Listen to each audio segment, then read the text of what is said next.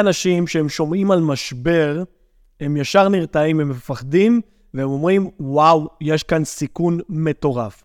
אני רוצה לומר לכם שאנשים שמשקיעים במשבר, מתעשרים בצורה מהירה. בפרק הזה אני ארצה באמת לדבר איתכם על כל הנושא של איך להתכונן למשבר, כי משבר, חברים, הולך להגיע. מי שחושב שלא ומטאטא קצת מתחת לשטיח, אני קודם כל מזמין אתכם לצפות בפרק, או להאזין בפרק, תלוי איפה אתם נמצאים, של באמת, שעשיתי על המשבר. יש לי נתונים שלא אני אומר שיהיה משבר, אלא בנק ישראל אומר שיהיה משבר, ובגלל זה אני ממליץ לכם ללכת ולהקשיב לפרק הזה, ואתם תבינו שמשבר הולך להגיע. שאלה מתי? ובגלל זה אנשים באים ואומרים לי, שי, תקשיב, אנחנו מפחדים מהמשבר, אנחנו יודעים שמשבר עכשיו המחירים ירדו וכולי, ותהיה כאן קטסטרופה, אז אולי זה לא הזמן הנכון להשקיע בנדל"ן. ואני יכול לבוא ולומר לכם שמשבר, כן, זה קרקע פורייה למתעשרים חדשים. כל משבר שקורה אנחנו רואים מתעשרים חדשים בנדל"ן. מתעשרים חדשים בנדל"ן. למה? כי בפועל, כשיש משבר והמחירים יורדים, יורדים, יורדים, יורדים, כן? אז קונים במחיר מאוד מאוד אטרקטיבי. וכמובן, אחר כך כשהמחירים עולים, אז מממשים את הנכסים ועושים כסף ענק. אנשים אומרים לי, אז שי, מה הבעיה? אז אני אחכה. אני אחכה, אני אחכה שהמחירים ירדו, אני אחכה שעכשיו המשבר ייכנס לעומקו, כן? ואחר כך אני, אני אקנה נכסים שם. אז קודם כל אני חייב להגיד לכם, לא ראיתי בן אדם, לא שמעתי על בן אדם, אם אתם מכירים, אתם מוזמנים אה, לכתוב לי, שהצליח לזהות את עומק המשבר. את התחתית, את התחתית. לא מכיר. אגב, לא בשוק ההון ולא בשוק הנדל"ן. לא מכיר אנשים כאלה. לא מכיר בן אדם שיודע להגיד, אוקיי, הנה, פה הסוף של המשבר, ומפה המחירים יתחילו לעלות.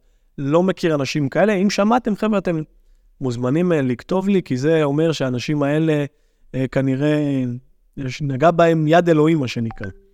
אז פה במקרה הזה, כשאני מסתכל על משבר, אנחנו לא יודעים באמת מתי המשבר ייכנס לעומקו, ואנחנו צריכים להיות חכמים. אני יכול להגיד לכם על עצמי, להעיד על עצמי, אני במשבר הקודם הגדול, שהיה בשנת 2008, משבר הסאב פריים, אני לא הייתי בשוק הנדל"ן.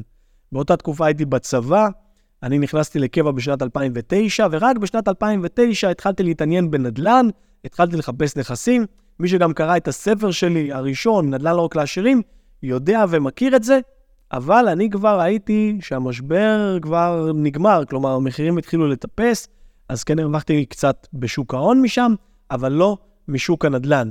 שאגב, חבר'ה, שאלו אותי הרבה מאוד אנשים, שי, איפה אפשר להשיג את הספרים? אני משאיר לכם קישור בתחתית הסרטון, אתם מוזמנים להיכנס, לקנות, נשלח לכם שליח עד הבית, וכמובן, מי שרוצה יכול גם ללכת לחנויות ולקנות גם בחנויות. אז במשבר הקודם, חבר'ה, אני לא הייתי. לא הייתי, אבל ראיתי ועשיתי הרבה מאוד תחקירים על נכסים, על שווקים, שאם היו קונים, מה היה קורה. אבל אז למדתי שחוכמת הבדיעבד היא חוכמה מצוינת, היא חוכמה נהדרת, היא חוכמה באמת שהכי קל לעבוד איתה, כי כולם חכמים לאחר מעשה. מסתכלים בשנת 2010 ואומרים, אך, אם הייתי קונה בשנת 2008, או אפילו ב-2007 זה בסדר, או 2009, זה גם בסדר. אבל אנשים חכמים לאחר מעשה. כי נכס שעכשיו המחיר שלו יורד ב-10, 15, 20 אחוז, לבוא ולהגיד, אה, עכשיו זה הזמן לקנות, אנשים לא עושים את זה. אנשים לא עושים את זה, ובגלל זה מה שאני רוצה, חבר'ה, זה שתתחילו להכניס לכם לראש שני דברים. הדבר הראשון, לקנות נדל"ן תמיד. למה לקנות נדל"ן תמיד? אני יכול לומר לכם שמאז שנכנסתי לעולם הנדל"ן בצורה אגרסיבית, בסדר? 2011-2012, אני יכול לומר לכם שאני שומע שהולך להיות משבר בשוק הנדל"ן. שומע בכותרות, חברים, ו- ו- ובעיתונות, ובחדשות וכולי. אז קודם כל אני תמיד אומר, חבר'ה, אל תקשיבו לכותרות. תחקרו בעצמכם. תבדקו נתונים, לשכה מרכזית לסטטיסטיקה, תבדקו את הדברים לעומק, ותראו באמת מה משפיע ומה לא משפיע. אז אני יכול לומר לכם שאני שומע ב-2012, עשר שנים אני שומע, המחירים ירדו, ירדו, ירדו. מי שזוכר גם היה את מחאת הקוטג', שאנשים יצאו על יוקר המחיה וכולי, ואמרו, הנה, עכשיו הולך להשתנות. אני עשיתי מחקר על הנתונים וראיתי שאין סיבה הגיונית שהמחירים ירדו, ובגלל זה קניתי. וכל פעם אנשים אמרו לי, שי, אתה לא נורמלי, אתה משוגע, תראה את המחאה, תראה זה, המחירים ירדו, ותראה פה ותראה שם, והמדינה מתחילה, ומחיר למשתכן, ומע"מ אפס, ו... אז קודם כל, חבר'ה, תקראו את הנתונים. אם הנתונים מצביעים על משבר, זה אחד. אבל אם הנתונים לא מצביעים על משבר, לכו כל הזמן לעסקאות, תקנו. עכשיו, אני בא ואני אומר, גם פה שאני קונה, אני אישית נערך למשבר. כלומר, בשנים האחרונות, אני מאוד מאוד נערך למשבר, ומה אני עושה? אני מבצע עסקאות קצרות. למה אני מבצע עסקאות קצרות? אני מבצע עסקאות קצרות כדי להגדיל את ההון כמה שיותר. למה אני רוצה להגדיל את ההון כמה שיותר? כי כשמשבר יתחיל, ואיך אמרתי, גם אני לא אדע לזהות את התחתית, אז אני ארצה לקנות. כי אם עכשיו לדוגמה יש נכס, דירה, חנות, משרד, קרקע, כן? ששווה מיליון שקלים, ועברו חמישה, שישה, עשרה, 12 חודשים, ועכשיו פתאום היא שווה עשרה אחוזים פחות, או עשרים אחוז פחות, אז רוב הציבור מה אומר? אה, וואי, משבר, לא לקנות עכשיו, המחירים ירדו, פחד אלוהים. אני אומר דווקא הפוך, תקנו. כי אם עכשיו נגיד בנק ישראל יגיד, טוב חבר'ה, יאללה, האינפלציה נגמרה, אני מתחיל להוריד את הריבית, מה יקרה? מחירי הנדל"ן יחזרו לעלות. מחירי הנדל"ן יחזרו לעלות. ובגלל זה אני אומר, אתם לא יודעים אף פעם איפה התחתית. אבל אז אנשים באים ואומרים לי, שי, רגע, יש פה סוגיה. כי אם אני קניתי עכשיו נכס, בוא נגיד דירה, שהדירה הזאת, קניתי אותה במיליון שקלים, ועכשיו היא שווה 900 אלף שקלים. אז אני בהפסד, הפסדתי כסף מעולם הנדל"ן. אז קודם כל אני אומר להם, זה לא נכון. זו טעות, לא הפסדתם כסף מעולם הנדל"ן. יש לכם דייר שגר שם? סוחר שמשלם לכם כסף? יופי. זה אומר שהוא סוגר את המשכנתה? או אולי אתם גם מוציאים עוד איזה כמה שקלים גם על המשכנתה? אבל הוא משלם לכם את הריבית. הוא משלם. אז מה משנה ערך הנכס? מה זה משנה? יש לכם הפסד על הנייר של 100,000 שקלים, אבל אתם תמכרו את הנכס? לא. אתם לא תמכרו. למה? כי אתם לא רוצים לממש הפסד של 100,000 שקלים. ולכן, אם אני מסתכל על זה, אני אומר, טוב, לא מעניין אותי באמת המחיר. כי גם אם המחיר ירד ממיליון שקלים ל-900,000 שקלים, מה אני אעשה? אני לא אמכור, ויותר מזה, אני אדפוק לשכן בדלת, אני אדפוק לשכן בדלת, ואני אקנה גם את הנכס שלו, ב-900,000 שקלים. ואולי אפשר להביא לחץ למשא ומתן ולקנות את זה ב-850,000 שקלים.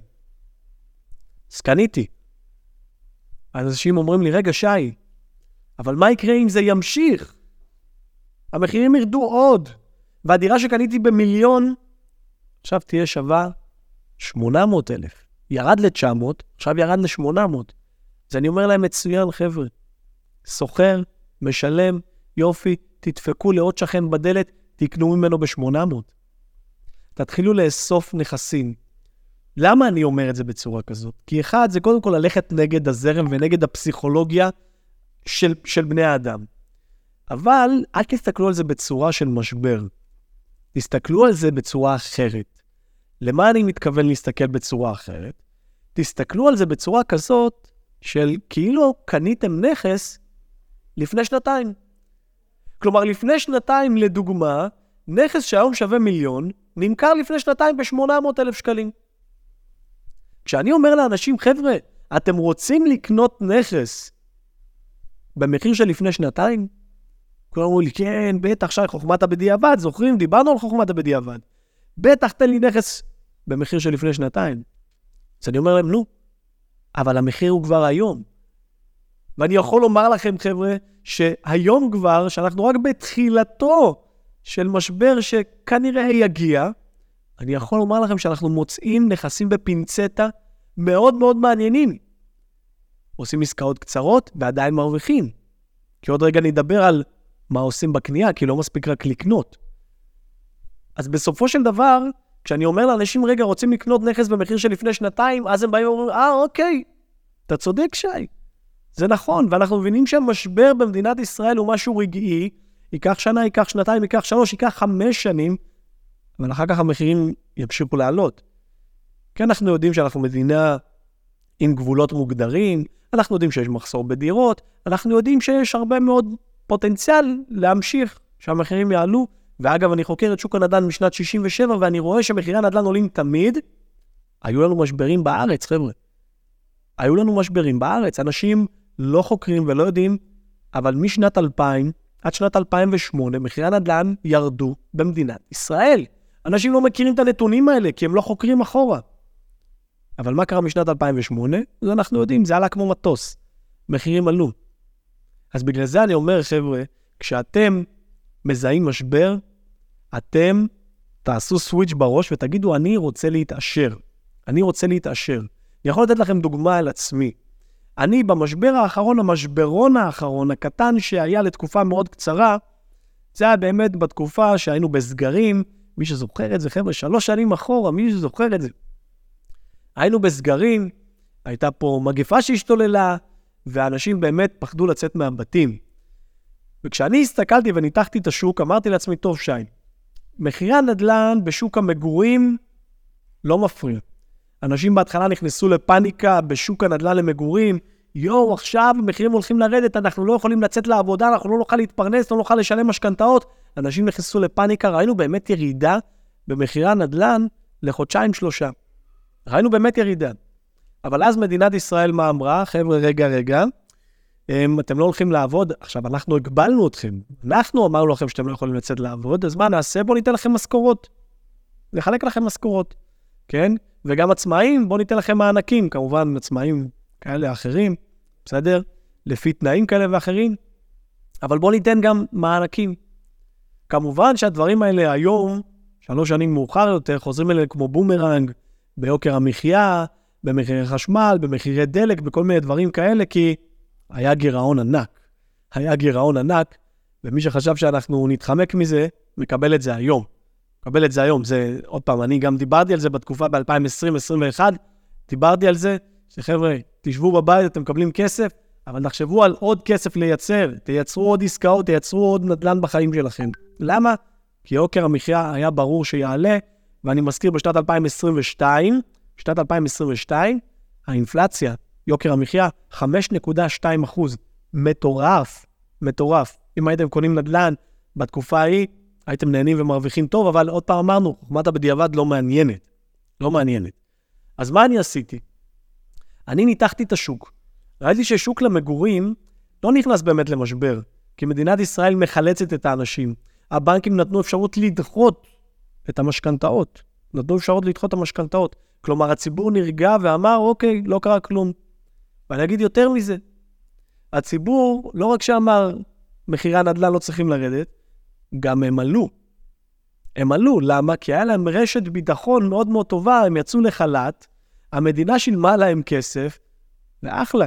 כלומר, זו ההכנסה הכי בטוחה שיש. אנשים לא פחדו לעשות עסקאות, וראינו שבאמת המחירים עלו, ועלו בצורה משמעותית. אה, גם הריבית, נגיד בנק ישראל התחיל להעלות את הריבית. ערב, ערב, בפברואר אז, 2020, ואז שכל המגפה התחילה להשתולל, הוא הוריד את הריבית חזרה, כלומר, גם הכסף היה זול. גם כסף זול, גם משלמים לי משכורת, בסדר? אנשים אומרים, טוב, בואו נחזור לקנות נדל"ן. חזרו לקנות נדל"ן, והחיים באמת uh, התקדמו מאז, ואנחנו יודעים כמה המחירים עלו, אוקיי? אז כשאני הסתכלתי וניתחתי את השוק, זיהיתי בשוק אחר משבר. באיזה שוק? בשוק הנדל"ן למשרדים, למסחר. זיהיתי שם משבר. למה? עוד פעם, כולם בבית. עכשיו חברות לא צריכות עובדים במשרדים. לא צריכות עובדים. כי עכשיו אנשים עובדים מהבית, ואנשים לא מגיעים פיזית למשרד, אז בפועל פתאום הסתכלו על שוק המשרדים ואמרו, וואו, לא צריכים משרדים היום. כשאומרים לא צריך מוצר מסוים, מה קורה? מחירים יורדים. לא רוצים מוצר מסוים, אין ביקוש, המחיר יורד. ובנקודה הזאת אני עשיתי רגע הערכת מצב, ואמרתי, רגע, שי, אז יכול להיות שהמגפה הזאת עכשיו תחנך את העולם לעבוד רק מהבית. אבל אמרתי, כנראה שלא. כנראה שלא, כי בסופו של דבר אנחנו יצורים חברתיים. אנחנו יצורים שאנחנו רוצים חברה, אז זה כן יגיע למצב שמה שאנחנו קוראים אליו היום היברידי, אז אנשים עובדים חלק מהבית, אבל רוב הזמן הם עובדים בעבודה. עדיין יש אנשים שעובדים כל היום, בסדר, וכל השבוע עובדים מהבית, ואלה אנשים שקצת מחפשים את החברה וכנראה שאו יתפטרו או שידרשו להגיע למשרד. למרות שזה כמובן למנהל, לבוס, זה פחות טוב, כי אז הוא צריך לשלם על משרד, הוא צריך לשלם על אה, שכירות, הוא צריך לשלם על אוכל, כיבוד, חשמל, מים, ארנונה וכולי, אז הוא מעדיף שהוא יעבוד מהבית. אבל אנחנו יצורים, כן, פסיכולוגים חברתיים, אנחנו רוצים את החיבור הזה לאנשים. ובגלל זה ידעתי שיצטרכו משרדים. יצטרכו. בסגר השלישי שהיה, בסגר השלישי, אני רכשתי משרדים. רכשתי משרדים, חלקם להשקעה, חלקם גם לשימוש עצמי שלי. רכשתי משרדים. למה? כי כל סגר שעבר, מה קרה למחיר? המחיר ירד וירד וירד. לפני הסגרים, מחיר למטר היה 10,000 שקל למטר, יופי, וכל סגר ירד. ירד ל-9, ירד ל-8, ירד ל-7.5. סגר שלישי, אני זוכר את עצמי אשכרה מתייעץ עם אשתי, האם הולך להיות סגר רביעי? כי אנחנו רוצים עוד לחכות שהמחירים ימשיכו לרדת. בסוף משום מה בתקשורת אמרו כן סגר רביעי, לא סגר רביעי, ואמרנו, טוב, בוא נקנה בסגר שלישי. בדיעבד הייתה החלטה מצוינת, כי באמת לא היה סגר רביעי, ואנשים למדו לחיות עם זה וכולי. רוצה לומר, חברים, קשה מאוד להסתכל בזמן אמת ולהגיד, אוקיי, עכשיו זה התחתית. אף אחד לא יודע, גם אני ניחשתי, בסדר? שיהיה סגר שלישי. כלומר, באותה מידה יכל להיות סגר רביעי וסגר חמישי, ואני מחזיר אתכם לתקופה הזאת, היה כאוס מטורף.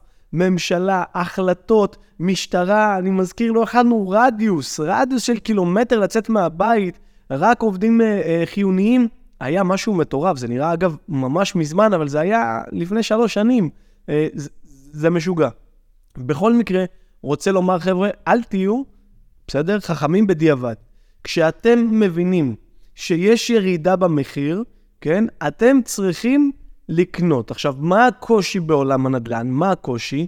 שזה לא כמו שוק ההון. בשוק ההון, לדוגמה, אנחנו רואים את הגרף, אוקיי? והגרף יורד, אנחנו אומרים, טוב, אז הגרף ירד. האם הוא ימשיך לרדת? לא יודעים. אפשר לקנות, ואם הוא ימשיך לרדת, נקנה עוד, ואם ימשיך לרדת, נקנה עוד. בסדר? בשוק הנדל"ן זה קשה. נכון, לשכה מרכזית לסטטיסטיקה מפרסמת מדי חודש נתונים בעבור מחירי הנדל"ן, גם האינפלציה ו- ועוד אה, נתונים, אבל אנחנו לא באמת יכולים לעקוב, בסדר? ולראות את המגמה. למה? כי גם לשכה מרכזית לסטטיסטיקה שמפרסמת את הנתונים, היא מפרסמת את, את הנתונים, אחד, ברמה ארצית, שתיים, ברמת המחוז. כשאנחנו הולכים לקנות דירה, אז אנחנו בעצם לא קונים לא את המדינה ולא קונים את המחוז וגם לא קונים את העיר. זה אם אני מקביל את זה לעולם שוק ההון, אנחנו לא קונים את המדד. אנחנו קונים בסוף מניה ספציפית. אנחנו קונים דירה בתוך שכונה, בתוך רחוב מסוים, ובגלל זה אנחנו צריכים לדעת לזהות את ירידת המחירים.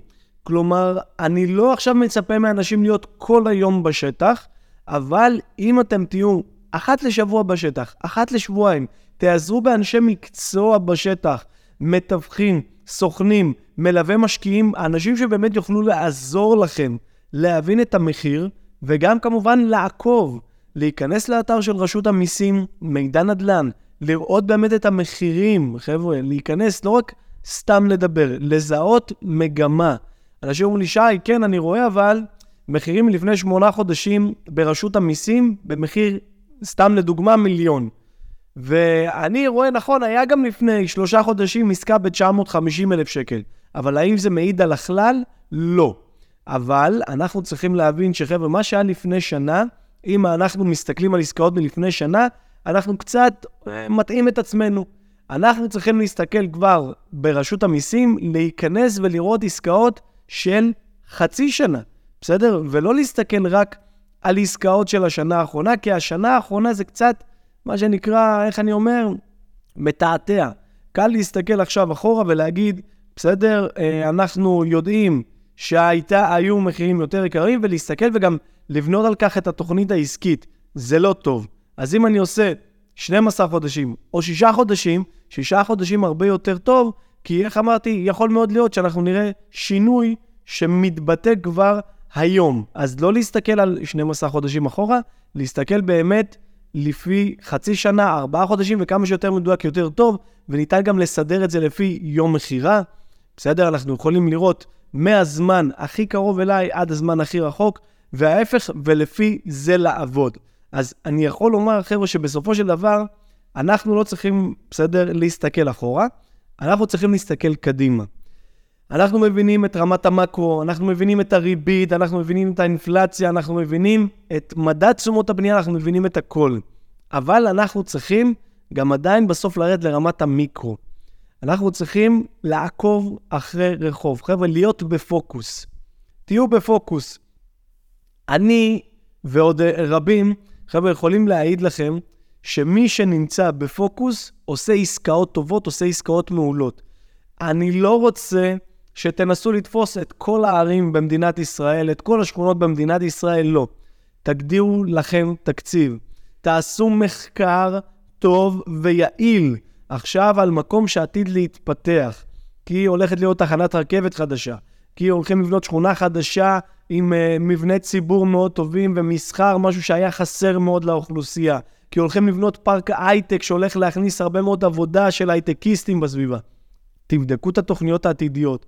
וזה לא הולך לקרות עכשיו התוכניות העתידיות. עוד שנה, עוד שנתיים, עוד שלוש, עוד ארבע, אבל זה הזמן הנכון להיכנס, וגם פה, איך אמרתי, לעקוב אחרי המחירים.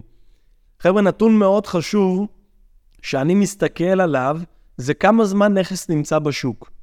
אז אחד, אני יכול לדבר עם מתווכים ובאמת לשמוע מהם כמה זמן, אני רואה נכס מסוים שמעניין אותי, לשמוע מהם כמה זמן הנכס עומד בשוק. אם הוא נמצא עכשיו חודש, אז בסדר, זה אומר שהמוכר עדיין, מה שנקרא, אין לו מוטיבציה גבוהה להתפשר במחיר. אבל אם יש כבר בן אדם שמפרסם שלושה חודשים, ארבעה חודשים, חצי שנה, כנראה שהמשא ומתן איתו יהיה יותר קל. ולכן כשאני מדבר עם מתווכים, אני מיד שואל אותם על מי האנשים שמפרסמים הרבה זמן, שאגב, יכול להיות שגם יש אנשים שלא התפשרו. כלומר, אין להם לחץ, אולי הם לא ממהרים לעבור דירה, אולי זו דירה להשקעה שבינתיים מכניסה להם שכירות, והוא אומר, עד שאני לא אקבל את המחיר, אני לא מוכר וזה בסדר. תבינו מאותו מתווך מי הבן אדם, וכמובן גם מאנשים פרטיים. כלומר, תחפשו גם הודעות שהן לא מתיווך, ואותו דבר, כשאתם מדברים עם הבן אדם, תבינו כמה זמן הוא בשוק, תבינו את מידת הלחץ שלו, תבינו את רמת המוטיבציה שלו לבצע עסקה.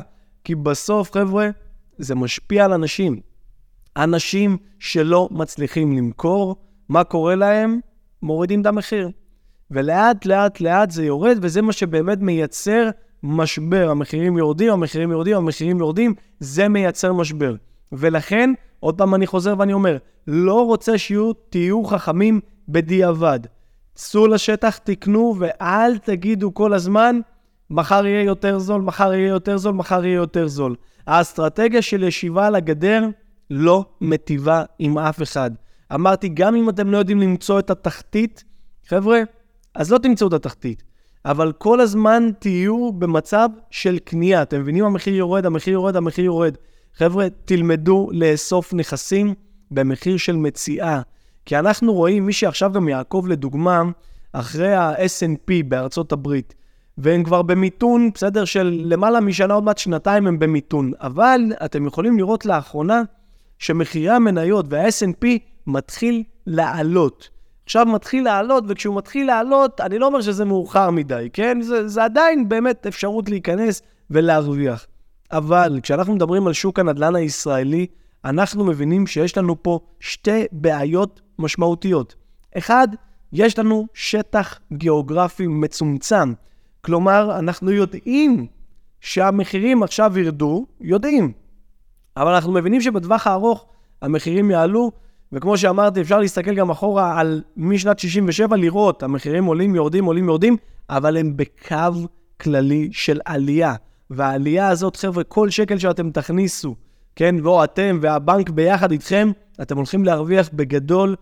תיזכרו בכל הסיפורים של המתעשרים, בסדר? שהגיעו בתקופת משבר, מתעשרים, מביאים סחורה בזול. הסיבה הראשונה, יש לנו באמת שטח גיאוגרפי מוגבל. הסיבה השנייה זה שאנחנו מדינה מתפתחת. מדינה מתפתחת. בואו נעמוד רגע על ההבדל של מדינה מתפתחת למדינה מפותחת. מדינה מפותחת זו מדינה שכבר יש לה את כל התשתיות שהיא צריכה, יש לה את כל מבנה הציבור, יש לה את הכל מוכן, ואז כל פעם קצת עושים שדרוגים קצת פה, שדרוגים קצת שם, משפרים קצת את הכביש, משדרגים את הרכבת, עושים קצת שדרוגים. במדינה מתפתחת, אגב, זה נכון גם לעיר, לא רק למדינה, גם לעיר מתפתחת ועיר מפותחת. בעיר מתפתחת או מדינה מתפתחת, אנחנו רואים שינויים דרמטיים. תסתכלו עלינו, אנחנו הרבה מאוד באים בטענות, כן, לכל הנושא של הפקקים. הנושא של הפקקים, בסדר? אז מה עשו? עכשיו אנחנו רואים שאנחנו מקווים שבאמת נתחיל לנסוע כבר ברכבת הקלה בגוש דן, בסדר? אנחנו רואים שבסופו של דבר יש פה מערכת הסעת המונים, בגוש דן אמנם, לא בכל המדינה, אמנם בגוש דן, שאם אנחנו מסתכלים רגע על עיר באירופה, על אה, פריז, או על לונדון, או על מקומות כאלה, יש להם את זה כבר הרבה מאוד שנים, הרבה מאוד שנים, אבל אנחנו מדינה צעירה. אפילו 80 שנה אין לנו. 80 שנה. אבל בגלל שהטכנולוגיה התקדמה, בגלל שהמודרניזציה נכנסה בבעיטה מאוד מאוד חזקה בחמישים שנה האחרונות, אנחנו לא עומדים בקצב. מדינת ישראל קצת מפגרת מאחור, וזה בסדר, אבל מנסים להדביק את הקצב. אז בונים כבישים, כבישים, כבישים, עכשיו פונים באמת לתחבורה הציבורית, וזה מה שצריך לקחת בחשבון. אז חברים, שימו לב, יש גידול מתמיד, ובגלל זה אנחנו צריכים להיות חכמים ולראות שאנחנו לא עומדים על הגדר, לא יושבים על הגדר, אלא מיישמים היום. חברים, הפודקאסט הזה עזר לכם, אתם מוזמנים כמובן לשתף, לסמן לייק וגם לעקוב אחרינו. חבר'ה, אני מאוד אשמח אם יש לכם שאלות, גם לשאול אותנו. אני הייתי שי שור, שיהיה המון המון בהצלחה, והכי חשוב, תמשיכו לעשות נדל"ן.